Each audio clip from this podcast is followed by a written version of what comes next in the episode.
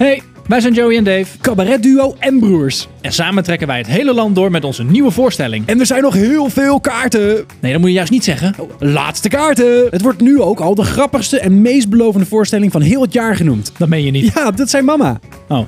Voor meer informatie en kaarten, kijk op joeyandave.nl.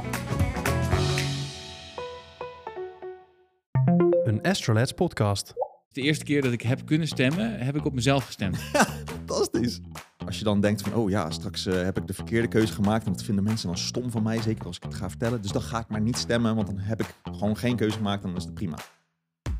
Welkom bij Normale Mensen Bestaan Niet. De podcast over psychologie waarin wij vieren dat geen mens gelijk is. Want zeg nou eerlijk, heb je wel eens een normaal mens ontmoet? En zo ja, beviel dat? Wij zijn uh, Lennart Thoma en Thijs Launsbach, psychologie-nerds, schrijvers en goede vrienden. En in deze podcast behandelen we de onderwerpen uit de psychologie waarvan we denken dat je ze moet weten. Alles dat je wilde weten over hoe je in elkaar zit dus. En nog veel meer waarvan je niet wist dat je het wilde weten. En een hoop dingen waar- waarvan je niet wilde dat het waar was, maar toch. In deze aflevering van Normale Mensen Bestaan Niet alles over de verkiezingen die eraan gaan komen. Dus we wijken een beetje af van wat we van tevoren hadden aangekondigd. Ehm, maar we dachten opeens, hé, hey, er zijn verkiezingen. Het is, ja, eh, ja, dat schoot opeens het- ook het in ons opeens- hoofd. Precies, ja. Nee, het kwam opeens langs of zo ergens. Ik weet niet. Het was- Reclames was, of een iets? poster, misschien een reclame. Ja, het is, het is moeilijk, eh, moeilijk te zien, maar blijkbaar is het dus gaande. Er wordt bijna niet over gepraat, maar, eh, maar toch is het, is het aan de hand. Ja. En toen dachten wij, misschien kunnen we iets doen rond politiek en psychologie. Want er is een hoop psychologie in politiek. En een hoop politiek in psychologie ook. Maar dat is een hele andere aflevering, denk ik. Ja, dus sorry Ehm, aan de mensen die eh, heel erg zaten te wachten op de hoogsensitiviteit aflevering. Die komt eraan. Dat is Sorry. de week daarna. Sorry. Eh, en jullie zijn al zo weer uit. gevoelig. Ja, Maar hij komt echt. Hij komt echt. We, sterker Volgende nog, week. we, weten dat zeker, want we hebben hem al opgenomen. Precies. En hij zou dan deze week komen, maar hij komt volgende week. Dus dan heb je iets om naar uit te kijken. Het wordt een hele interessante aflevering. Is niet deze aflevering. Nee, want Dus. dit is dus over ja, wat, eh, wat voor psychologie zit er achter politiek en verkiezingen. Eh, en ja, wat moet je dan weten? Hoe word je beïnvloed? Hoe ga je stemmen of niet? Nou, dat soort dingen gaan Ja, want er wordt aan alle kanten aan je getrokken momenteel om een keuze te maken voor een partij. En dat wordt gedaan met argumenten, maar ook met een hele hoop niet zozeer argumenten, maar met eh, andere dingen dan argumenten.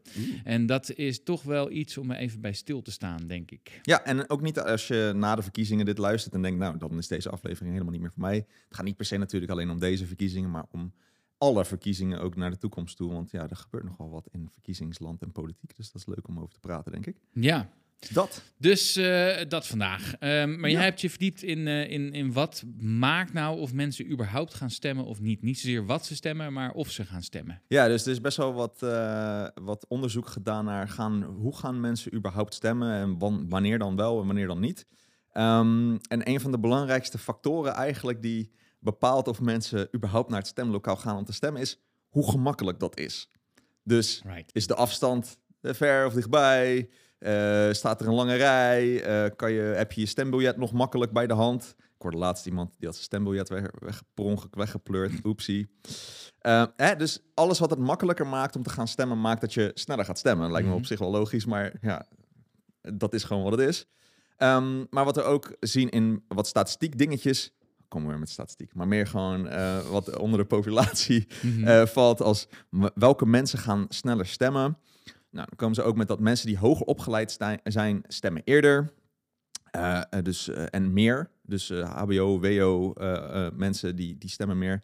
Ehm 8% daarvan stemde niet in 2012. Ik heb een onderzoek, dit is vanuit CBS. dit, dit gaat over de Nederlandse politiek. is de Nederlandse Ja.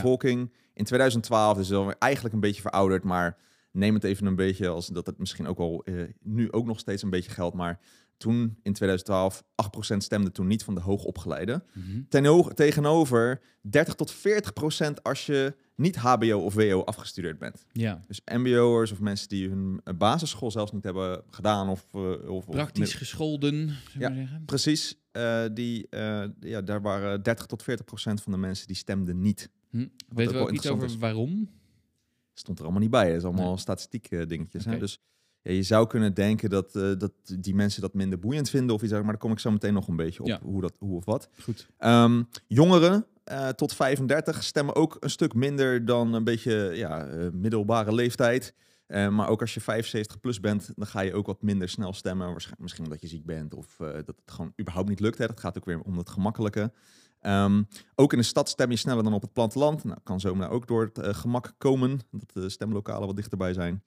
Eh, gescheiden mensen stemmen ook minder dan gehuwde of eh, niet gehuwde mensen. Dus als je eerst gehuwd bent en dan gescheiden, dan stem je een stuk minder. 35% stemt niet in 2012.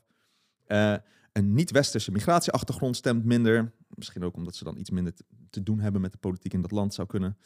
Ehm, maar ook wat hele belangrijke factoren zijn om überhaupt te stemmen, is je interesse in politiek of niet. Als je politiek totaal niet boeiend, vindt, stem je uiteraard minder snel. Het is redelijk logisch. Is redelijk logisch. Ja. Ja. eh, en, en- maar ja, je kan ook denken van, nou ja, politiek boeit me over het algemeen niet. Maar eh, dan als het stemstuk is, dan ga ik wel stemmen. Maar ja, op zich wel logisch Een natuurlijk. beetje zoals ik voetbal kijk soms. Ja, Voetbal boeit me totaal niet, maar als er dan een, een, een, een EK of een WK is, Dan dan, ben ik best wel. bereid om even te gaan Dat- kijken. ik keek vroeger nooit Behalve Formule- als het ik- in een of ander heel eng regime is, waar ze nogal eh, schimmig omgaan met, eh, met eh, mensenrechten. Precies, nou, ik keek vroeger nooit Formule 1 totdat Max Verstappen opeens alles ging winnen. Oh ja. Nu kijk ik opeens ook Formule 1. I don't know why. Maar ja, dan is het opeens wel leuk. Ehm, eh, wat ook wel een interessant, meer een psychologisch dingetje is, is dat ze zeggen, eh, o- hebben over diffusion of responsibility. Eh je ook wel, dus dat eh, is een beetje een psychologisch termpje over dat eh, je eh, denkt dat andere mensen beter kunnen beoordelen wat het beste is. Ja. En dat je dus dan denkt, als je dat veel hebt of veel voelt, eh, dan eh, zal je minder snel gaan stemmen. Want dan denk je, ja, ik, ik kan beter niet stemmen, want ik heb toch geen idee. Laten andere mensen die er wel wat van weten het maar doen. Dan zal dat vast wel beter uitkomen. Hm. Een ander psychologisch construct wat er ook mee te maken heeft, eh, is evaluation apprehension. Ehm, dus het idee dat je mogelijk beoordeeld wordt op je keuze die je hebt gemaakt. En eh, dat als je dan denkt van, oh ja, straks eh, heb ik de verkeerde keuze gemaakt en dat vinden mensen dan stom van mij, zeker als ik het ga vertellen. Dus dan ga ik maar niet stemmen, want dan heb ik gewoon geen keuze gemaakt en dan is het prima. Kan natuurlijk ook zo werken dat je dan daarop wordt afgewezen. Heb je niet gestemd? Ja. Weet je, maar En er is natuurlijk ook een, een bepaalde groep mensen die ehm, op een partij gaat stemmen waar ze toch voelen dat er een bepaald stigma op heerst. Dus die zeggen dan bijvoorbeeld in een, in een peiling dat ze op een andere eh, partij gaan stemmen dan waar ze op gaan stemmen. ja, precies. Dus er is een, is een deel van de mensen, we weten dus niet hoeveel en hoe groot die, die groep is, maar die uiteindelijk in het stemhokje toch ergens anders op, eh, op stemt. Ja. Dat is volgens mij best wel eh, ter sprake geweest bij toen eh, in de verkiezingen in Amerika tussen Hillary Clinton en Trump. Dat heel veel mensen niet durfden te bekennen dat ze eigenlijk op Trump gingen stemmen. Of dan wel niet op Hillary Clin- Clinton. Want Clinton had volgens de polls of zoiets 60 tot 90 procent win winkans of zo. Ja, dat hing een beetje van de staat af natuurlijk. Maar er zijn bepaalde staten waar je, nou ja, waar die zo democratisch waren dat je maar beter niet kon toegeven dat je republikein was. Precies. Zeg maar. En andersom natuurlijk ook. Hè. Dus er zijn ook eh, precies de andere kant op in, in sommige andere staten. In de VS natuurlijk nog wat, eh, Ja. nog wat extremer. Nog eentje die ik ergens had gevonden wat ik wel interessant vond. Eh, weak altruism of Mhm. zwak altruïsme leidt tot meer stemgedrag. Dus, en wat is dan zwak altruïsme? Ja. Dus altruïsme, je hebt zeg maar moeder, een soort spectrum kan je een beetje bedenken. Dus je hebt aan de ene kant heb je moeder Teresa die al haar geld uitgeeft aan, eh, aan, aan mensen die het allemaal slechter hebben. En ik weet niet, moeder Teresa stond volgens mij ook een beetje onder. Ik weet niet of ze nou helemaal zo heilig was als dat ze was, maar goed, eh, dat is een heel ander verhaal. Dat is een hele inter- interessante discussie. Daar heeft Chri- Christopher Hitchens destijds veel, Ja. eh, veel over geschreven. Het was Ja. toch niet per se een lievertje? Nee, maar goed, even haar als metafoor voor wat moeder Teresa, eh, waar ze voor staat, is dat ze alles weggeeft, dat je een soort van puur altruïsme hebt. En zwak altruïsme is dat je wel af en toe wat voor een ander wil doen. Af en toe geef je wat geld aan eh, goede doelen. En je wil mensen niet benadelen of eh, iets naars aandoen. Daar houdt het een beetje bij op je altruïsme, zeg maar. Dat soort mensen die dat hebben, stemmen meer. En waarom Hmm. precies?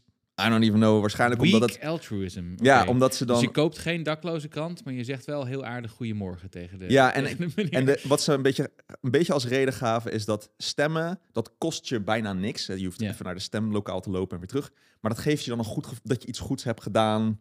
Oh, maar het kost je weinig, zeg maar. ja, En dat, dat is dan ook zwak altruïsme. Dus dat het is een beetje ook wat dat, wat dat Instagram, alt- eh, Instagram eh, idealisme of activisme is. Hè? Ja. Dat je denkt, oh, ik, doe, ik, ik, ik draag wat bij aan een probleem als ik, eh, of aan, aan een oplossing of aan een good cause als ik iets post of een zwart vlakje eh, post. En dat is dan. Maar dat is. Of ik zet mijn, eh, mijn, mijn, mijn- ik doe mijn achtergrond met allemaal eh, regenboogkleurtjes. Zodat ja, ik, eh, precies. Wat, op zich iets natuurlijk steun, ja. niet heel veel mis mee is. Nee. Behalve als je dan denkt dat dat de extent is van je activisme. Ja, dat het daarmee opgelost is. Dat is. Dat is dan weer niet zo handig. Ja, nou goed, uiteindelijk is wanneer gaan mensen wel of niet stemmen? Uiteindelijk is het natuurlijk een combinatie van factoren. Dat maakt dat je gaat stemmen. Ook je persoonlijkheid heeft daar natuurlijk invloed op. Dus ben je conscientieus, dan voel je je wat, eh, ja, heb je meer plichtsbesef. Dus dan zal je wat sneller gaan stemmen dan als je dat niet bent. Neuroticisme is daar ook een, een factor in. Dus hoe angstig ben je om misschien überhaupt naar buiten te gaan of niet. Of dat er iets gaat gebeuren als je stemt. Ehm, maar ook Ik kan me nou voorstellen dat ook hier opvoeding wel heel erg geldt. Hè? Als Zeker. je uit een familie komt of uit een gezin waar het komt normaal waar is. dit heel belangrijk werd gevonden en hier veel over werd gesproken, dan zul je het waarschijnlijk uit je hoofd laten om niet te stemmen. Ja. Terwijl als het helemaal niet zo'n issue was dat werd besproken, dan, eh, dan, dan doe je dat misschien minder snel. Klopt, de gewoon, gewoonte van überhaupt stemmen. Dus als Ja. het een gewoonte voor je is, dan ga je het ook gewoon überhaupt sneller doen dan als het heel raar is of eh, dat je het nooit eigenlijk hebt gedaan. Dus ook je geschiedenis van stemmen heeft invloed erop. Mhm. Maar ook je stressniveau bijvoorbeeld heeft Ja. invloed of dat je gaat stemmen. Als je natuurlijk super gestrest bent en je hebt heel veel dingen aan je hoofd, vergeet je bijvoorbeeld wel eens om te stemmen omdat je gewoon andere dingen aan je hoofd hebt. Ehm, dus nou, heel veel factoren die invloed hebben op, op dat je gaat stemmen of niet. En dat is wel interessant. ja. En ja, Nou, Nee, ik, wa- ik was wel even benieuwd. Wat is, heb jij altijd gestemd? Eh, ik heb, eh, toen ik net stemgerechtigd was, heb ik de eerste paar jaar niet gestemd. Ook omdat ik toen een beetje, ik, ook, eigenlijk had ik een beetje dat stuk van, ik, ik weet er niks van, hoe kan ik nou een stem uitbrengen dat een beetje ergens op slaat? En ik had ook een beetje dat ik überhaupt gewoon, ik was niet geïnteresseerd in de politiek en ik had ook een beetje wantrouwen richting politiek, wat iedereen denk ik op een gezonde manier natuurlijk Mhm. waarschijnlijk wel heeft. Maar toen dacht ik, ja, waarom zou ik gaan stemmen? Het heeft toch geen nut of zo. Een beetje zo'n eh, verhaal. Ja. Uh, een beetje rebellerende, ja, net nog puberachtig iemand. Ehm, en toen eh, hebben wel mijn ouders wel gezegd van ja, maar weet je, je het, eh, we leven in een democratie, daar, daar, daar moet je ook dan wel wat voor doen. Eh, Ja. En dat is wel belangrijk, want je wil geen dictator aan de macht. Dus ja, ga nou gewoon stemmen en, en stemmen op whatever. Eh, Mhm. maar breng je stem in ieder geval uit. Of anders geef je stem aan. En dus ik heb mijn moeder ook wel eens voor mij laten stemmen een paar keer. Gemachtigd. Ja, gemachtigd natuurlijk ook. En eh, heb jij altijd op dezelfde partij gestemd of min of Nee. meer op dezelfde partij? Eh, meestal wel een beetje links-neigend progressief, ja. Ja. Ja. Niet extreem links, ehm, maar wel een beetje die richting. Hm. En jij? Heb je altijd gestemd? Ik heb altijd gestemd. Ehm, ik heb ook, eh, dat wilde ik je ook nog vragen. Wat is nou de bijzonderste partij waar je op hebt gestemd? Dus ik kan, ik kan hem voor mezelf wel beantwoorden. Ik heb namelijk de eerste keer dat ik überhaupt mocht stemmen, Ja. was ik net 18 geworden. En toen was ik zelf ook actief binnen de eh, gemeentelijke politiek in Haarlem. Oh ja. Dus ik, we hadden een, eh, een, een partij opgericht, die kwam een beetje uit de linkse actiebeweging, zeg maar. Ehm, die zich heel erg inzetten voor een socialere en een groenere stad, zeg maar. Ehm, en daar was ik een van de bestuursleden van. Mhm. Eh, en ik stond ook op de lijst. Dus de eerste keer dat ik heb kunnen stemmen, heb ik op mezelf gestemd. Fantastisch. Eh, en ik kreeg volgens mij ook... eh, Ik stond laag op de lijst hoor. Ik stond op nummer 16 van een gemeentelijke Haarlemse partij. Dus dat is natuurlijk, natuurlijk kansloos. Maar volgens mij had ik nog wel iets van 26 of 27 keu- voorkeurstemmen. Ah, nou, cool toch? Dus dat Jouw was- hele familie had je best wel, ja, precies. Was best, was, was best leuk. En nou, kon ik toch zo laten zien dat ik ook het ondersteunde. Ja. We hebben uiteindelijk nog wel een, eh, een, een zetel gekregen in de verkiezingen. Eh, en in- ook nog wel in een latere verkiezing, maar toen was ik er al uit. Toen was er al een partijsplitsing geweest en zo. Want dat, Oh, dat zie je natuurlijk heel vaak bij, eh, bij beginnende politieke partijen. Ja. Nog steeds eigenlijk. Ja. dat er vaak ge- gedonder is. Maar dat was, dat, was, dat was toen. En ik heb later ook nog wel een keer gestemd op de... ik denk dat daarnaast mijn meest gekke was... Ik, ik heb volgens mij voor de Provinciale Staten een keer gekozen voor de Piratenpartij. Leuk. Ja, dus dat was in die tijd dat ik ook nog wel erg bezig was met privacy en zo, internet Ah. privacy. En daar waren zij heel erg van. Oké. Eh, dus toen dacht ik, nou ja, dat, dat doe ik dan maar. Ja. Nee, ik heb nooit hele rare stemmen uitgebracht. Wat zal mijn extreemste zijn geweest? Partij van de Dieren of Volt. Ja, Dat is denk ik het enige. Volt dan toen net een beetje aan het opkomen was. vorige, vorige landelijke verkiezingen. Ja, dat denk ik, ja. Ja. Dus dat, maar ja, dat was meer dat ik dacht van oké, je zit meer in de Europese, weet je wel, die zijn Europees breed actief. Dat vind ik wel interessant dat ze Ja. dan misschien Europa nog wel wat meer mee doen. Maar verder eigenlijk eh, niet hele rare, Oké. hele rare, het is wel een beetje D66 GroenLinks-achtige eh, richting. En stem jij hetzelfde als je ouders? Ehm, mijn vader stemt volgens mij standaard D66 of ook volgens mij GroenLinks. Mijn moeder, die is wel een paar keer geswitcht. Volgens mij zat zij vroeger ook echt wel op het CDA, dacht ik. Maar dat is nu Ik weet niet of we nu het stemgeheim soort van verbreken van jouw ouders. Of Nou dat ja, zo maar mogen care. zeggen. Ik maar denk dat, ja, als ik een dat ken, they don't really care. Ja, Dus, eh, maar, maar- eh, maar dus wel andere, andere partijen dan je, dan je ouders. Ja, dus een beetje wel in enigszins dezelfde richting, maar ook wel een beetje naar die naar een beetje linkse kant. Ja, CDA dan misschien niet, maar dat heb ik nooit gestemd. Maar Hm. eh, ja, mijn moeder is volgens mij langzaam zeker ook wel meer naar die linkse kant gegaan, denk ik. Het wordt in ieder geval geen VVD gestemd bij mij thuis, dat is duidelijk. Dus eh, hoe, is dat, hoe is dat bij jou? Ze wordt zeker geen VVD gestemd bij mij thuis. Ik denk dat mijn ouders wel een beetje... eh, die hebben niet helemaal dezelfde politieke voorkeur, denk ik. Ik denk dat mijn vader toch iets behoudender is. Hmm. Eh, het zal ook nooit rechts van het midden uitkomen, hoor, denk ik. Maar toch wel een midden, middenpartij Ja. man. Ja.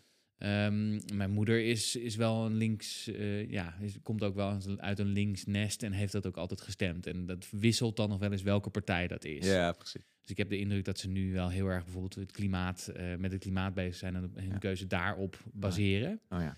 Eh, want volgens mij hebben ze zelfs meegelopen met de klimaatmars dit weekend. Dus, Wauw. ja, Zo, Ehm, uitvistische ouders. ja, zeker. Ja. Vet. Dus eh, wel, dat ja. je mijn ouders echt niet doen hoor. Die blijven Nee? gewoon lekker op de bank en die kijken dat wel dan. Dus, ja. Dat is dan hun bijdrage aan het activisme. Nou ja, Hmm. goed. Ja. Alright. Ehm, Ja. ja. Ik had nog, andere, nog iets ander grappig onderzoek eh, gevonden eh, naar, oké, hoe kan je dan als, als, als ook politicus eh, misschien zorgen dat de motivatie om te stemmen wat, eh, want heel vaak dan zeggen ze, ja, ga nou stemmen, ga nou stemmen. Nou, hoe kan je nou ervoor zorgen dat, dat mensen sneller geneigd zijn om te stemmen? Dat was een grappig onderzoek waarbij ehm, mensen opgesplitst werden in verschillende groepen. Een, je had een controlegroep, nou, die, die kreeg niks. Dat was gewoon een groep, die hielden ze in de gaten of ze gingen stemmen of niet. En een andere groep die kreeg een, ehm, een kaartje van, eh, met, eh, waarop stond van, eh, ga nou stemmen. Weet je, dus een reminder. Dit was iets van zeven dagen voor de verkiezing. Ga nou alsjeblieft stemmen. En de, de derde groep, die kreeg ook een kaartje. En daar stond in, bedankt dat je de vorige keer hebt gestemd. Ze hadden, al deze mensen hadden de vorige keer ook gestemd. Ehm, eh, ook de controlegroep. En dan gingen ze kijken, oké, welke mensen gaan dan nu meer stemmen? En degene die dus het bedankje hadden gekregen, die gingen significant meer stemmen dan de andere groepen. Eh, dus dat was heel grappig. En een beetje een soortgelijk onderzoek, ook met kaartjes, was ehm, eh, naast dus het, eh, het dankjewel-stuk, hadden ze dus ook kaartjes gestuurd naar mensen met een soort plaatje erop om dan te kijken wat er dan ging gebeuren. En het ene plaatje stond, dat was in Amerika, dit onderzoek, was een Amerikaanse vlag. De tweede groep die kreeg een, een, een, plaatje van een palmboom. Dit was in Florida, dus misschien daarom, I don't know. Ehm, en de derde, dan had je nog een controlegroep die niks kreeg. En dan had je een groep waarbij eh, je alleen een soort van eh, ogen van een oude man zag die jou aankeken. Verder geen tekst erbij, niet een soort van eh, om te overtuigen of weet ik wat. Maar er stond op de achterkant gewoon een beetje algemene teksten over politiek, niet, niet partijgebonden of zo. En dan gingen ze dus kijken wat, waar dus de meeste stemmen, welke mensen het meest gingen stemmen. En uiteindelijk de mensen die dus die ogen zagen, die gingen het meest stemmen. En de theorie, de theorie daarachter is dat je impliciet voelt dat je geobserveerd wordt. En je dus dan ja, een soort van eh, de neiging hebt om dan meer te gaan stemmen. Want ja, wij zijn sociale dieren. Als je in de gaten wordt gehouden, ga je wat netter gedrag vertonen dan anders. En ja, stemmen is een soort van netter gedrag. Ehm, dus eh, werd je impliciet toch eh, ja, gemaand om meer te gaan stemmen. En die ogen, alleen door ogen van een of andere vent die je aankeken of zo. Ik vond het heel grappig. Zit, zit ook wel nog een andere, misschien een andere redenering achter Mhm. die, die nog zou kunnen kloppen. Dus je had het net over die diffusion of responsibility, Ja. hè? dus de diffusie van verantwoordelijkheid. Ehm, eh, en dat, hè, dus je het gevoel hebt van, oh, nou ja, ik, ik ben, ik behoor tot, eigenlijk ga je dan een beetje op in de groep en dan denk je, de groep moet het maar oplossen. En ik ben niet de eerste die, die een risico neemt, zeg maar. Ja. Dat zie je natuurlijk ook, dus het bekende verhaal, ook al is daar later ook wel wat kritiek op gekomen, van stel nou dat er iemand ehm, in een, in een eh, ik wist- ja, wat doe je het? Eh, Een gracht valt, zeg ja, maar. Ik zit, ja, ja. ik zit even te denken, wat, wat zou nou Of op ja, brand of eh, iemand wordt eh, geslagen. Eh, stel valt in een gracht. We zitten hier in Den Haag. Die heeft geen grachten bij mij weten. Maar stel dat, het eh, een, een, een stad is met wel grachten erin. Iemand valt erin. Dan kun je maar beter hebben voor die persoon die erin valt. Dat er maar één of twee personen rondstaan. Dan dat er een hele grote groep mensen rondstaat. Want wat gebeurt er in een hele grote groep mensen? Die hebben allemaal van elkaar het idee. Die anderen lossen het wel op. Dus de groep lost het wel op. Dus ik hoef niet de eerste stap te nemen.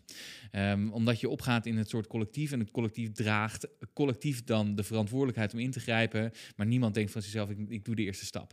Wat is nou de oplossing daarvoor? Mensen die, die bij die toekijkende massa staan, uh, weer individu maken. Dus je zegt niet help, je zegt jij in die zwarte trui met die capuchon, jij komt mij nu helpen, zeg maar. En daarmee maak je mensen weer individu mee, zeg maar. Het is wel lastig, want jij hebt nu ook een zwarte trui met een capuchon aan. Dus als we nou in die, samen in de groep ja, hadden gestaan, dan, wie dan, wie dan?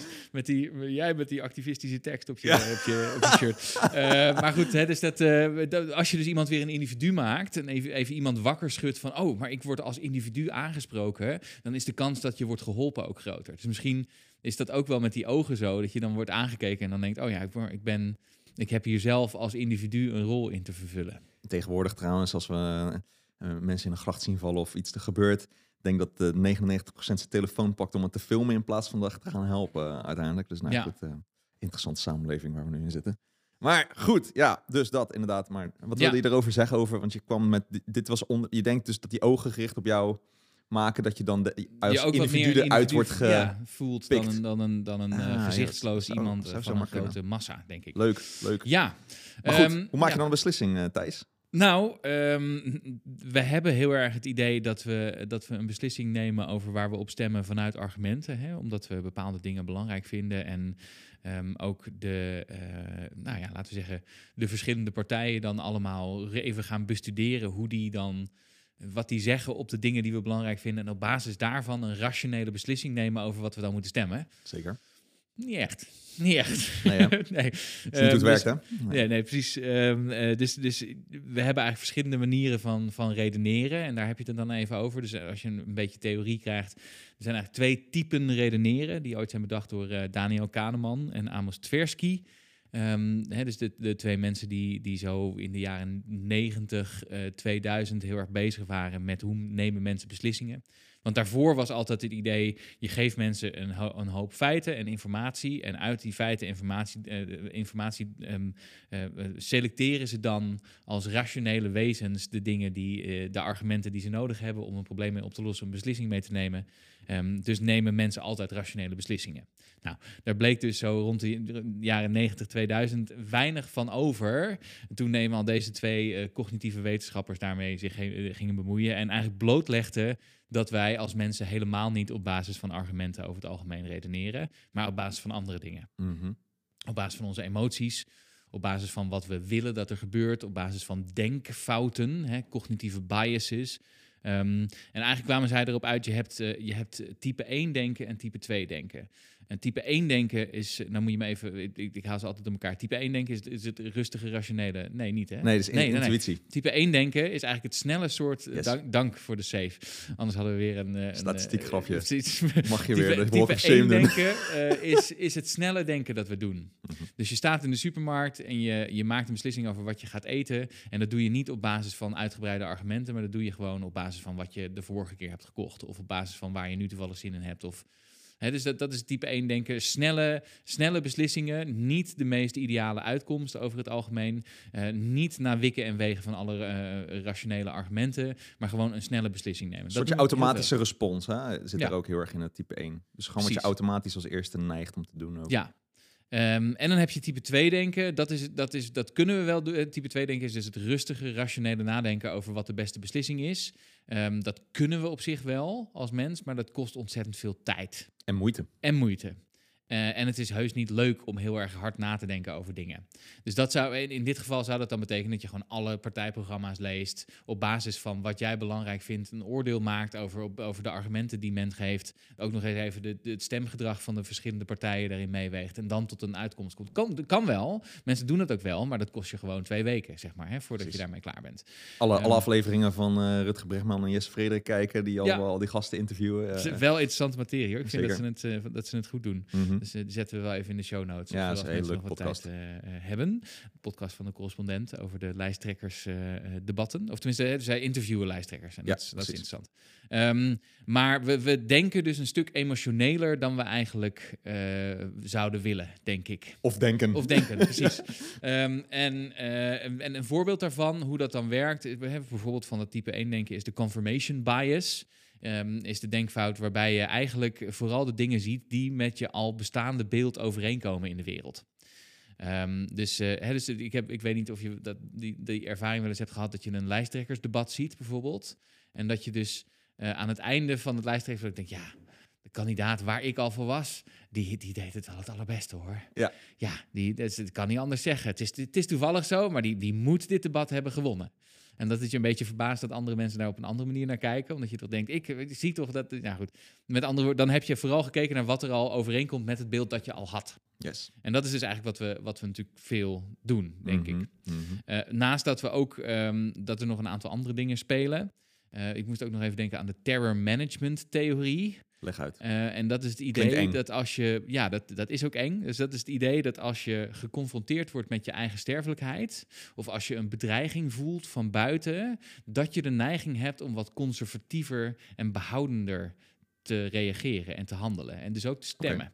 Oké. Ehm, dus ik kan me voorstellen dat in een soort van de, de, de, de hypercrisis waar we tegenwoordig in zitten, of de, noemen ze dat ook weer, een permacrisis. We hoppen- Permacrisis. We hoppen van coronacrisis naar eh, oorlog in Oekraïne, naar oorlog in, eh, in het Midden-Oosten, naar klimaatcrisis en allemaal tegelijk, zeg maar, of, of kort naar elkaar. Mhm. Dus er is eigenlijk voortdurend een soort gevoel van angstig zijn voor dat het helemaal misgaat, zeg maar. Hè? En dan, wat je dan krijgt is dat mensen toch wat conservatiever uiteindelijk worden, omdat ze het gevoel hebben dat ze zichzelf en hun zelfbeeld en hun cultuur moeten beschermen. Dat is het, eh, de terror management theorie. Ik had daar wel een grappig ander eh, dingetje ook over gevonden. Is dat, en dat is dan weer of, of je gaat stemmen of niet. Was dat eh, als er heel veel dingen zijn die je angstig maken. Dat er dan learned helplessness of aangeleerde hulpeloosheid bij je ontstaat. Dat is ook zo'n Mhm. psychologisch ding. Wat Ja. hè, als, als je op. Dat, ze hebben dan experimenten met honden volgens mij. En dan geven ze die. Dat is heel zielig eigenlijk. Maar die honden geven ze dan allemaal schokjes. En op een gegeven moment houdt dat op. Of eh, ze moeten van de ene plek kunnen ze naar de andere plek waar dan geen schok- schokjes komen. Eh, en dat proberen, nou, die honden die gaan natuurlijk als ze zodra ze een schokje krijgen, zo snel mogelijk van die ene plaats weg om naar het veilige stuk te komen. Ja. Maar ze hebben dan ook een stuk, een, een, een, een groep van honden waarbij ze dan, waar die beesten niks, die kunnen niet naar een veilige plek, die krijgen schokken no matter what. En die gaan op een gegeven moment dan een soort van zielig in een hoekje liggen en ja, die zijn dan gewoon de hele tijd hulpeloos. En op het moment dat dan eigenlijk er wel een veilige plek ontstaat, blijven ze in die hulpeloze staat alleen maar die schokjes toch nog ontvangen, omdat Ja. ze in die staat verkeren van aangeleerde Dit hulpeloosheid. soort onderzoek wordt er niet heel veel meer gedaan hoor. Gelukkig niet. Dus dit is de jaren 60, eh, onderzoek uit de jaren 60 van Martin Seligman, Ja. een van de, van de bekendste eh, psychologische wetenschappers, die later Positieve psychologie. geworden van de positieve psychologie. Ja, ja, super Eh, maar die deed dus dit soort onderzoek Ja. daarvoor. En dus, dus Maar dat heb je dus bij mensen ook, want Ja. mensen denken eh, op een gegeven moment, ja, ik je, kan, ik kan het, toch ik kan het toch niet meer helpen, weet je wel. Waarom zou ik gaan stemmen? Weet je wel, het schiet toch allemaal niet op. We zitten van de ene crisis in de andere. Wat heeft het nou voor nut? Laat maar. Beetje En dat... eh, er wordt toch nooit naar mij geluisterd. Precies. Want als ik stem op een partij en die winnen, die winnen eigenlijk nooit. Dus ja, waarom zou ik dat dan nog doen? Eh, dus een beetje die, eh, die kant, hè? Ja, precies. Nee, dus eh, dus daar, daar zit ook nog gewoon een dingetje bij.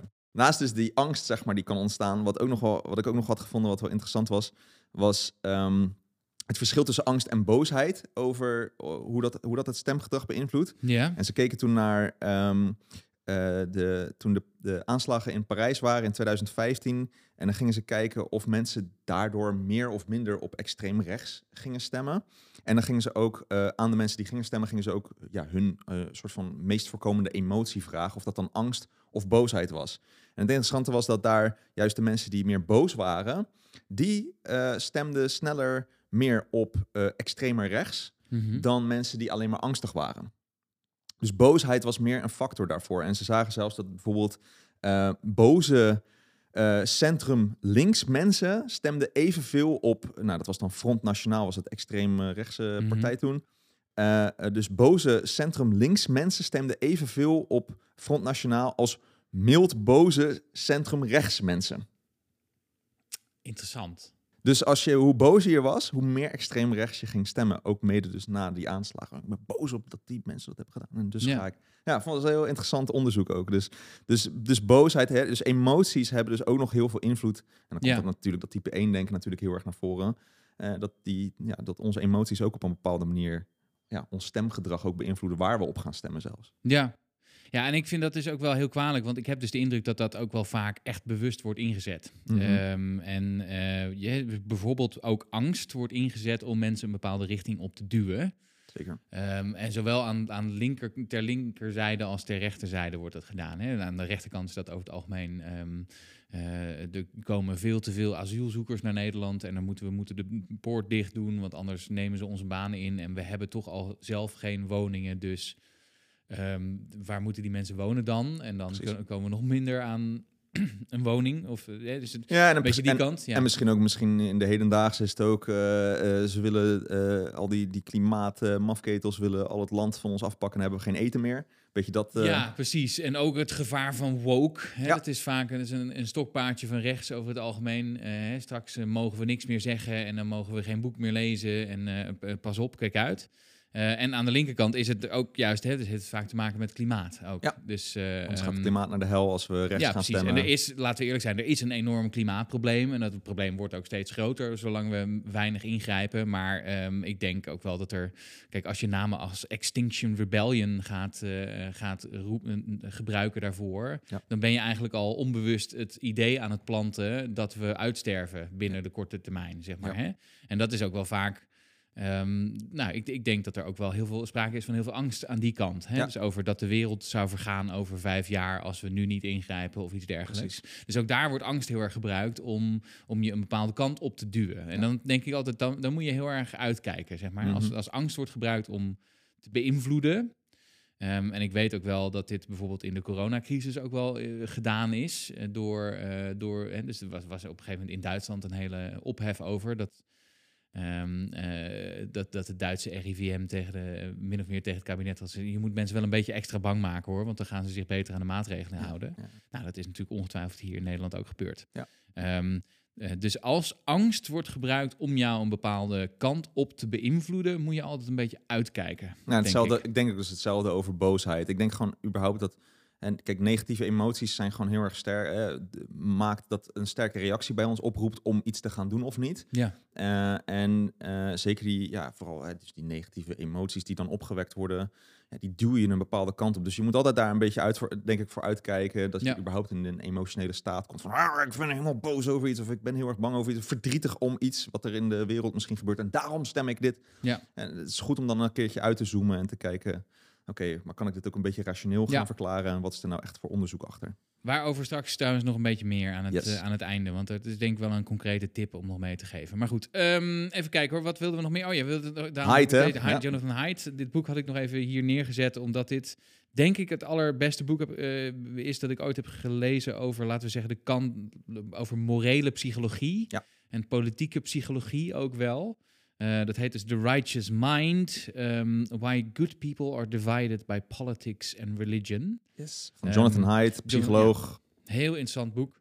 Awesome een van de must, must reads, zou ik zeggen. En eigenlijk zegt hij, het, boek bestaat uit verschillende delen en hij gaat helemaal in into alles over morele psychologie. En hij zegt eigenlijk, als een, over het algemeen denk je niet met je rationele geest, maar komt eerst je intuïtie over dingen en bedenk je dan vervolgens eh, De ratio argumenten erbij om ehm, zeg maar voor jezelf te rechtvaardigen dat de intuïtieve keuze die je al had gemaakt eigenlijk de goede blijkt te zijn. Precies. Ehm, dus dat is, een, dat is een hele interessante. En dit is ook de reden dat je mensen waarschijnlijk nooit in een politieke discussie gaat overtuigen. Want mensen zitten helemaal in hun eigen mening vastge, eh, vastgegraven. En dat komt ook omdat het helemaal niet gaat op basis van argumenten, maar het gaat om nou ja, je, je, je overtuigingen over de wereld zijn een belangrijk houvast over, over hoe je de wereld ziet. Ja, je morele Dus waarden. Dus Hoe dingen meer als je daar gaat morrelen in Ja. een discussie, hoe feller mensen worden om die ook te beschermen. Zeg Ja. maar. Dus dat is de reden dat je eigenlijk nooit iemand kan overtuigen in een discussie. En dat zijn dan morele waarden als eerlijkheid en eh Ja. eh, eh, care harm was ook eentje. Ja, dus dat liberty is, dat is het tweede, het tweede gedeelte. Dat gaat hier eigenlijk uit over waardesystemen. Hè? Wat gebruiken, welke waardesystemen gebruiken mensen om beslissingen op te nemen? hè?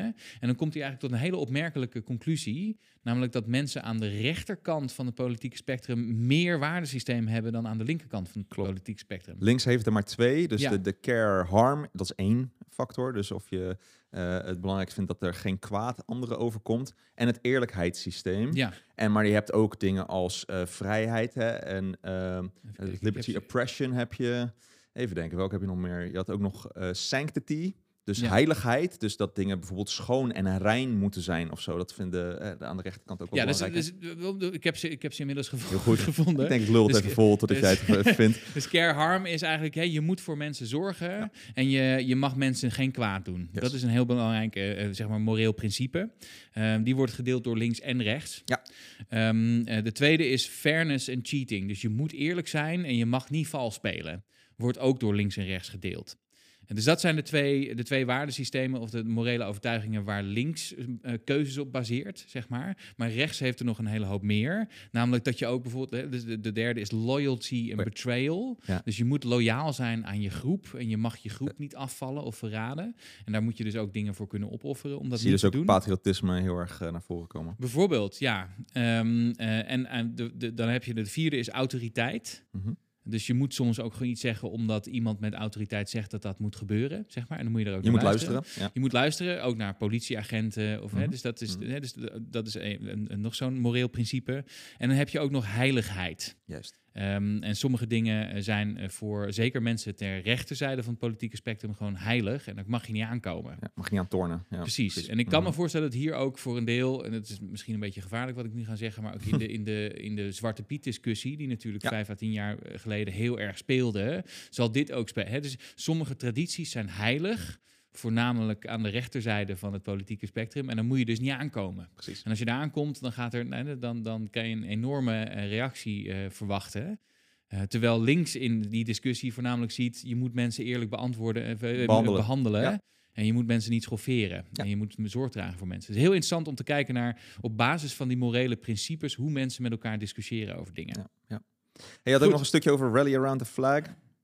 Eh, ja, dus we hadden het over. Effect. Ja, precies. Dus, dus hoe meer je ehm, eh, bedreigd wordt als land of als cultuur, hoe meer je geneigd zou zijn om om de eh, leider heen te staan. Hè? Om, om de leider te steunen die er al is. Ja. Dus dat is natuurlijk, dat, dat zag je in. ehm, dat zie je ongetwijfeld nu ook. Nee, dat zie je net Nou, ik- ik- niet echt in het Midden-Oosten momenteel, maar Nee. wel bijvoorbeeld in het, in het Oekraïne-conflict. Ja, Eh, maar je zag het ook heel erg in het begin van de coronacrisis.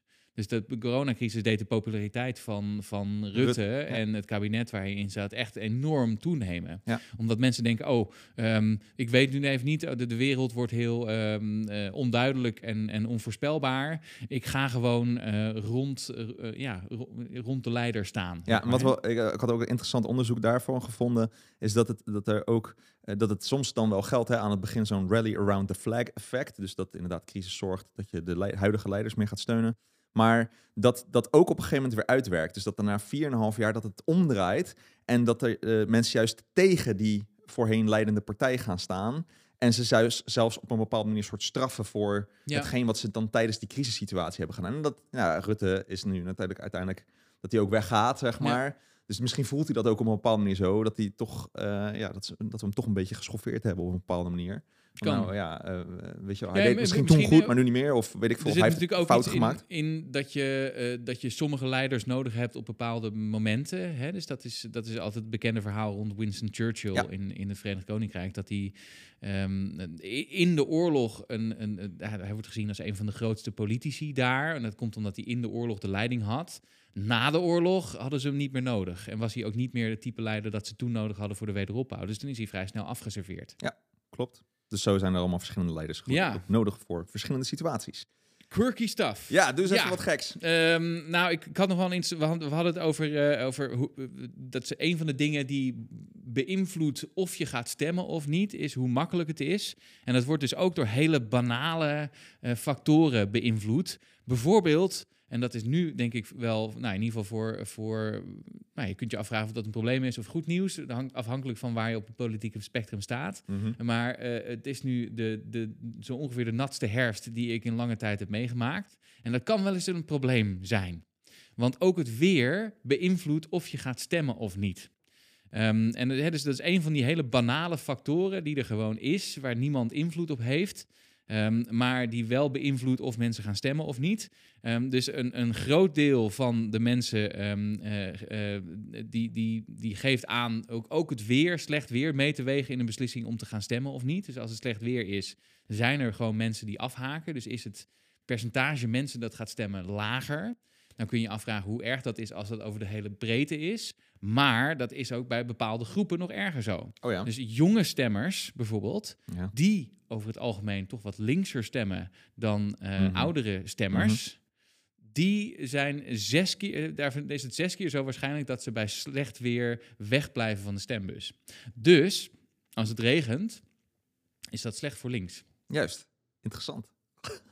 Maar ik moet wel even bij de, de kleine kanttekening maken dat dit eh, de Amerikaans onderzoek is. Mhm. Ehm, eh, de VS heeft een heel ander politiek systeem met twee hele duidelijke partijen natuurlijk. En heeft een soort opmerkelijk systeem waarbij het heel normaal is dat je op verkiezingsdag vier, vijf, zes uur in de rij staat. Klopt. Dus dan is de kans dat je bij slecht weer denkt, uh, toedeledokio, natuurlijk wel een stukje groter. Zeker. En dat is heel anders dan als je naar de stembus moet die 100 meter bij je vandaan is en dan kan je meteen terecht. Dat is wel, dat is de kanttekening. Maar toch, dit soort dingen heeft dus ook invloed op eh, of, we dat, of we gaan stemmen of niet. Ja, Terwijl we dat dus waarschijnlijk niet echt van onszelf zullen toegeven. Nee, nee, nee. Dat is dat idee van, van zeg maar argumenten verzinnen achteraf om je eigen handelen ehm, goed te praten. Precies. Goed.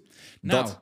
Wat kun je hier nou mee? Wat moet je hier nou mee? Ja, en, en we zaten te denken van misschien nog een goede vraag. Hoe kun je nou het beste stemmen ook met de informatie die je nu hebt Ja, gekregen? weet je ook? al wat je gaat stemmen? Eh, ja, ik eh, neig naar eh Fransie Timmermansie. Fransie Timmer, Ja. Timmermans. Dus, ik, vind, ik vind GroenLinks PvdA, PvdA, ja, weet je, ik, ik vond het wel gewoon een goede move dat ze samen zijn gegaan.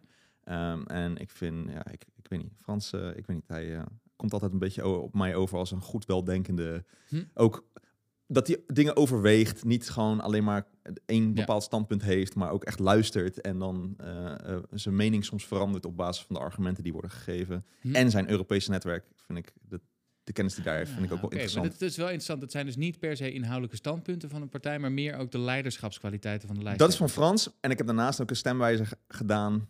Ja, Waaruit kwam gewoon op de punten. kwam bij mij ook GroenLinks, PvdA en D66 er allebei uit. Op Ja. dezelfde hoogte. Dus ja, dan eh, was het de overwegende kant. Nou, ik neig dan naar Frans vanwege dat Ja. dan. Eh, omdat de, ja, in, de, in de rest van de peiling zat ik dus een beetje hetzelfde met D66. hm, Jij? interesting.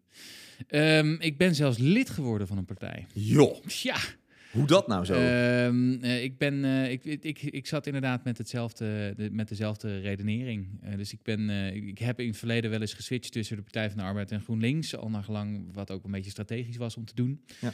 Ehm, dus ik vind dit, eigenlijk een hele goede stap dat die Ja. samen zijn verder gegaan. Dat hadden ze eigenlijk al jaren eerder moeten doen. Mhm. Ehm, dus ik heb dat willen ondersteunen. En ik ben van een van de twee partijen ben ik, ben ik lid geworden. Joh, Ja. Dus eh, Ehm, daar gaat je stem Dus daar gaat, eh, gaat ook mijn eh, stem naar uit. En het is denk ik ook wel. mm, ik maak me wel zorgen. Kijk, ik ben. Een van de dingen waar ik me erg voor inzet is mentale gezondheid. En Mhm. mentale gezondheid onder jongeren. Ik maak me wel erg zorgen over dat dit heel weinig op de politieke agenda staat. Er is eigenlijk geen partij die mentale gezondheid, de, laten we zeggen, de mentale gezondheidscrisis bij jongeren een speerpunt maakt. Mhm. Wat ik echt verschrikkelijk vind. Mhm. Ehm, en een grote schande ook. Dus ik hoop ook dat, dat door me aan te sluiten bij zo'n partij ik dat toch een beetje kan beïnvloeden. Eh, want ja, er zijn natuurlijk heel veel verschillende dingen die belangrijk zijn. We hebben het over wonen, we hebben het over klimaat, we hebben over eh, heel veel over werk, heel veel verschillende thema's. Maar dat, ehm, laten we zeggen, de enorme toename van mentale problemen bij jongeren geen issue is. Echt nul issue zo ongeveer. Eh, dat in ieder geval in de, in, in de debatten hierover, of wel hoe we hierover praten, dat, dat steekt mij wel. Ja, ik kan me ook voorstellen in combinatie natuurlijk met je social media boek en zo. Dat daar, Jij bent toch ook ambassadeur geworden van, eh, van een soort stichting die daar ook veel aandacht aan geeft, aan die mentale... Nou, ehm, dit, dit was een initiatief van, eh, van 40 jongerenorganisaties. ehm die, die eigenlijk met dit punt ook bezig was. Die zei. ehm, de verkiezingen komen eraan. Er is geen enkele partij die hier echt een, stand, een, een, een flink standpunt inneemt. Eh, hier moet meer aandacht aan komen. En misschien moet er zelfs wel een soort OMT komen voor de mentale problemen bij jongeren. Want het gaat echt mis. En dat, eh, nou, dat, dat ondersteun ik wel. Ja. Ehm, dus nou ja, ik heb me maar aangesloten bij dus die, de, de partijencombinatie die, die hier toch nog wel het meeste mee bezig is. Al mag dat ook daar echt wel een stuk meer. Mhm. Dus daar zal ik me zeker, eh, zeker voor, voor inzetten. Ja. Ja. Mooi Dus, eh, man. stem, is- eh, ja, als je dat belangrijk vindt, stem dan ook op een partij die dat een beetje eh, hoog in het vaandel heeft staan. En dat zijn ze lang niet allemaal. Nee. Ehm, goed, Ja, verder. het is, het is gewoon natuurlijk uiteindelijk denk ik best wel een persoonlijk proces. Ehm, voor mij is het ook ja, meestal probeer ik eerst altijd zo'n stemwijzer wel in te vullen om een beetje te kijken, oké, wat zijn nou een beetje de speerpunten, zonder dat ik debatten zie of dat ik heel erg naar de, naar de persoontjes ga kijken, hoewel ik natuurlijk net over Fransie Timmermans had. Ehm, maar eh, ja, ik wil gewoon eh, wel eerst proberen, met die stemwijzer probeer ik wel eerst Ja. altijd een beetje zo'n grove rangschikking te krijgen. En doe ik er soms nog een tweede voor de zekerheid. En dan ga ik ook wel uiteindelijk toch wel kijken naar ook de personen erachter en wat zij een of ik het een beetje interessant of goede leiders vind. Ehm, dat doet ook wel wat met mij. Dus eh, Ja. dat is een beetje mijn way to go. Ja. Heb jij nog een bepaald procesje wat je verder doorloopt? Meestal? Of? Eh, nee, ik, Of gewoon ik, be- gevoel. ik bekijk wat, eh, wat partijprogramma's Yes. en ik doe ook wat stemwijzers en dan kom ik meestal al uit op wat ik al dacht dat het was. Ja, cognitieve. ik. Ook weer Dus, confirmation eh, ja. bias waarschijnlijk. Ehm, maar het is, het, is dus wel, het is dus wel belangrijk om je te realiseren dat je dus beïnvloed gaat worden. Dat Yes. mensen een poging doen om jou te beïnvloeden een bepaalde kant op. wat ook logisch is. Wat ook logisch is, maar soms gebruiken ze daar argumenten voor. En soms ehm, angst bijvoorbeeld, of emotioneel, hè, emotionele argumenten. Word je juist bang gemaakt of boos gemaakt. Eh, of, eh, hè, dus dat, dat moet je denk ik wel je, realiseren. Ehm, en ook, met, ook met, met hoe mensen eruit zien, wat de indruk is die mensen maken, hoe ze praten, welke woorden ze gebruiken. Wordt allemaal gebruikt om jou in een bepaalde kant op te beïnvloeden natuurlijk. Ehm, dus dat is wel goed om te weten dat het zo is. Want onderzoek blijkt, uit onderzoek blijkt ook dat als je het gevoel hebt dat je minder vatbaar bent voor beïnvloeding, ben je juist vatbaarder voor beïnvloeding. Eh, dus dat is een goede om te Dus ook ja, ook jij bent vatbaar voor, voor beïnvloeding en ook emotionele beïnvloeding. Wij ook. Je kan er, wij ook. Je kan er wel wat tegen doen. En dat noemen ze de, de inoculation theory, dus de inentingtheorie. Als je bijvoorbeeld van tevoren, hè, als je weet dat je een debat gaat kijken en je bedenkt al van tevoren, oh, ik word daar ook op een, laten we zeggen, niet rationele manier, wordt er een poging gedaan om mij te beïnvloeden. Dat zullen ze waarschijnlijk op deze manier gaan doen. Maar ik ga me van tevoren al eh, nadenken over wat ik belangrijk vind. Ehm, en ik ga daarop letten, dan is de kans dat je een bepaalde kant op wordt geduwd eh, met, door middel van emoties is gewoon kleiner. Ehm, dus de- dan ben je dus eigenlijk, dus de metafoor is je, je, je ehm, eh, hoe noem je dat? Spuit jezelf al wat in of je, je, je Ja, ja, spuit ja. jezelf een, een vaccin. Een virus in. Ja, precies. Dus dan ben je minder vatbaar Yes. voor, eh, voor sociale beïnvloeding als je dat doet. Dus dit is denk ik ook wel goed om, om bijvoorbeeld eerst na te denken wat je nou de belangrijke issues vindt. Wat je zelf eigenlijk de belangrijke ar- argumenten vindt of de bel- belangrijkste dingen vindt. En dan pas te gaan kijken naar wat vinden de partijen daarvan of wat wordt er in een, lijsttrekkersdebat over geroepen.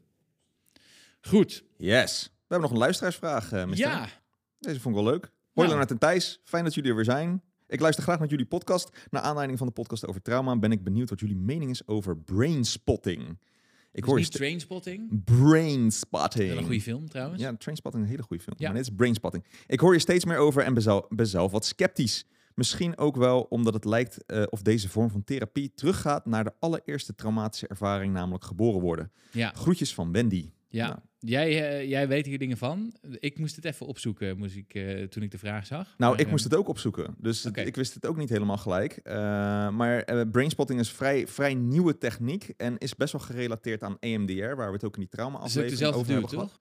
Eh, het is niet dezelfde dude. Ehm, het is een, wel een van de EMDR practitioners die Oh dit ja, heeft gevonden. Dit is het, Grant, volgens mij, Ja. is die dit heeft verzonnen. En van EMDR was Shapiro. Ja. Dus even heel in het kort hebben we natuurlijk de vorige keer uitgebreid uitgelegd. Maar bij EMDR, dat is een, een, een therapievorm die wordt gebruikt om trauma te behandelen. Yes. Eh, waarbij je vertelt en je inleeft in het trauma, hè, dus in zo'n Ja. sessie, terwijl je ook een afleidende taak doet. dat dat is is dan vaak dat je ogen heen en weer gaan. Ja. En, en, en, en inderdaad, hier moet dus dat gevoel van dat trauma weer helemaal oproepen. Dus je Ja. ervaart eigenlijk gewoon weer diezelfde spanning en het gevoel weer eh, zoals dat trauma echt eh, helemaal was. Dus het is best wel soms een intense ervaring. En dan word je afgeleid, wat ervoor zorgt dat je het eigenlijk op een nieuwe manier, zoals het ook heet, reprocessed of eh, anders, Ja. ja, processed. Ik kom niet op een Nederlands woord slecht. Maakt niet uit, whatever. Je snapt wat ik bedoel. Ehm, en, dan, en dan zakt het trauma wat meer naar de achtergrond, de emotionele Dus je- lading Je erbij. hebt de herinnering nog wel, maar de emotionele onderlaag wordt, wordt daarmee uitgedoofd. Eigenlijk, Yes. hè? En bij brainspotting is het niet dat je ogen heen en weer gaan, maar dan kom je op een gegeven moment, de, de therapeut gaat dan kijken naar een bepaald punt. Je moet verschillende kanten opkijken. En op een gegeven moment, dan, dan heb je misschien een soort van trilling in je oogbeweging, alsof je daar niet naar wil kijken, naar een bepaald punt. En daar stopt je therapeut je dan om daar dan naar te blijven kijken terwijl je zelf de herbeleving stuk doet als bij EMDR. Ja, En dat zorgt dan ook voor een bepaalde manier van verwerking, waardoor je ook mogelijk van trauma afkomt. ja. Ehm, het is dus nog een vrij recente techniek. Veel van de soort van ja, mensen die dit dus praktiseren, die zijn er best wel enthousiast over.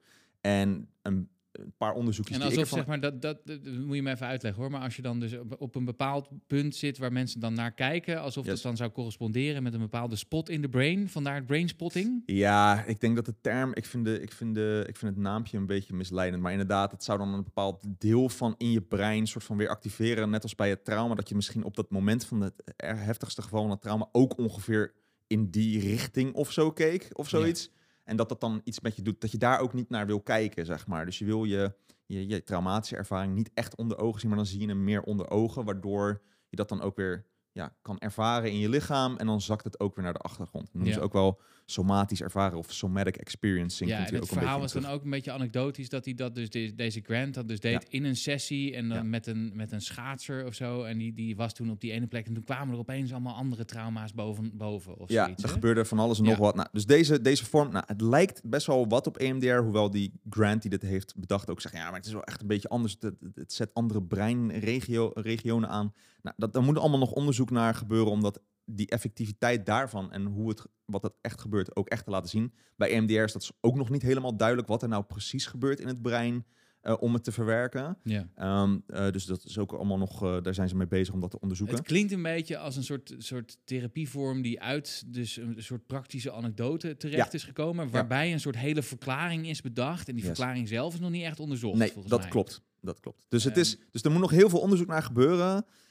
Het onderzoek wat er is, lijkt dat het ongeveer even ect- effectief is als EMDR zelf. Dus dat Ja. het ook niet, het- ja, niet per se heel veel kwaad kan.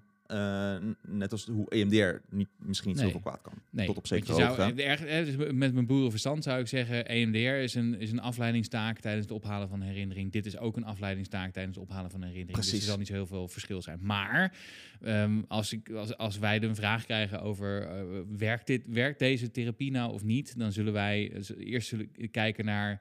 Wat zijn de grote effectonderzoeken hiervan? Ja, en die zijn, zijn, er er nog bijvoorbeeld niet. een aantal meta-analyses, hè, een aantal waarbij heel veel data bij elkaar wordt gegooid, die echt consequent aantonen dat er een effect is of niet. Nou, antwoord hierop: nee. Dat is er nog niet. Dus Misschien er zijn komt wel het een nog. aantal singulaire studies. Ja. Dat zegt wel iets.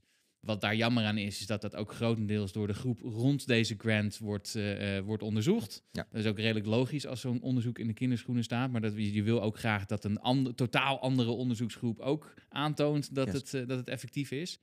Ehm, maar, ehm, en er worden behoorlijk wat claims gedaan, ook weer online, over deze specifieke vorm. Hè. Dat het een manier zou zijn om nog diepere trauma's op te zoeken. En dat het de, de, de eerste, laten we zeggen, tien Google eh, search eh, resultaten die ik was, waren allemaal mensen die vanuit hun eigen praktijk en dan Ja. riepen dat er zoveel wetenschappelijk onderzoek naar is en dat het zo even overdreven eff- effectief is. Ja. Dat is dus niet zo. Daar kan je met een korreltje zout nemen. Maar eh, Kijk uit met, met uitzonderlijke claims over hoe werkzaam dit precies. zou zijn. de onderzoeken die er zijn laten niet een beter effect zien dan EMDR. Nee. Maar Min of meer e- vergelijkbaar eigenlijk in sommige studies.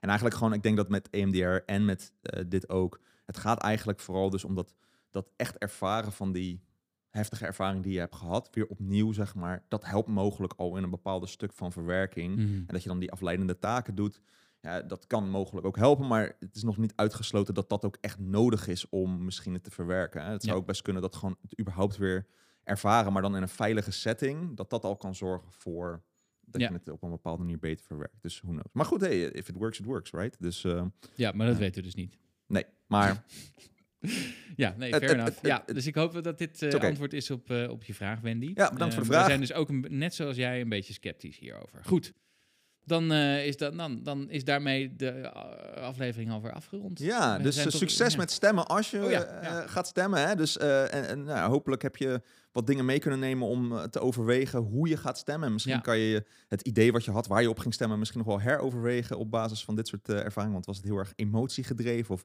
moet je nog toch nog Maak even de programma's grootste beslissingen uit angst. Dat is misschien niet de beste raadgever als het aankomt op complexe beleidsvraagstukken. Ook niet op boosheid trouwens. Nee. Dus Ehm, dat. goed, we Ja. gaan het de volgende keer echt hebben over hoogsensitiviteit. Maar dat echt. weten we, omdat we hem dus al hebben opgenomen. Yes. Eh, dus dat komt goed. Die staat op de rol. Dan gaan we die helemaal. Het is een leuke aflevering geworden Zeker. en hij, hij komt jullie kant op. Volgende Ehm, week dus. Dus ja. abonneer, abonneer ook om geen nieuwe aflevering te missen als je nog niet geabonneerd bent op eh, Spotify of iTunes of Podimo of wherever, YouTube ook. Dat helpt ons ook om hoger in de ratings te komen, waardoor meer mensen het eh, hopelijk ook gaan luisteren. Ja, Want, en eh, stu- stuur ons ook even vijf sterren en zo. Dat kost je niks. ehm, en eh, dat, dat helpt ook weer om de podcast bij andere mensen terecht te laten komen. Dat is als je, ook- als je ook enthousiast bent dat natuurlijk. is hè? ook zwak altruïsme wat je dan aan het doen bent. Ja, precies. het kost je niks, Heel maar het levert veel op voor ons. Ja, alright. En vergeet niet, je moet stemmen. Ehm, en we zijn, alle, nou ja, al deze stemgerechtigde mensen zijn allemaal verre van normaal. Zeker. En allemaal uniek op hun eigen manier, maar moeten toch allemaal gaan stemmen. Dus dat is interessant. En of je nou wil of niet, normale stemmers bestaan niet. Doedels!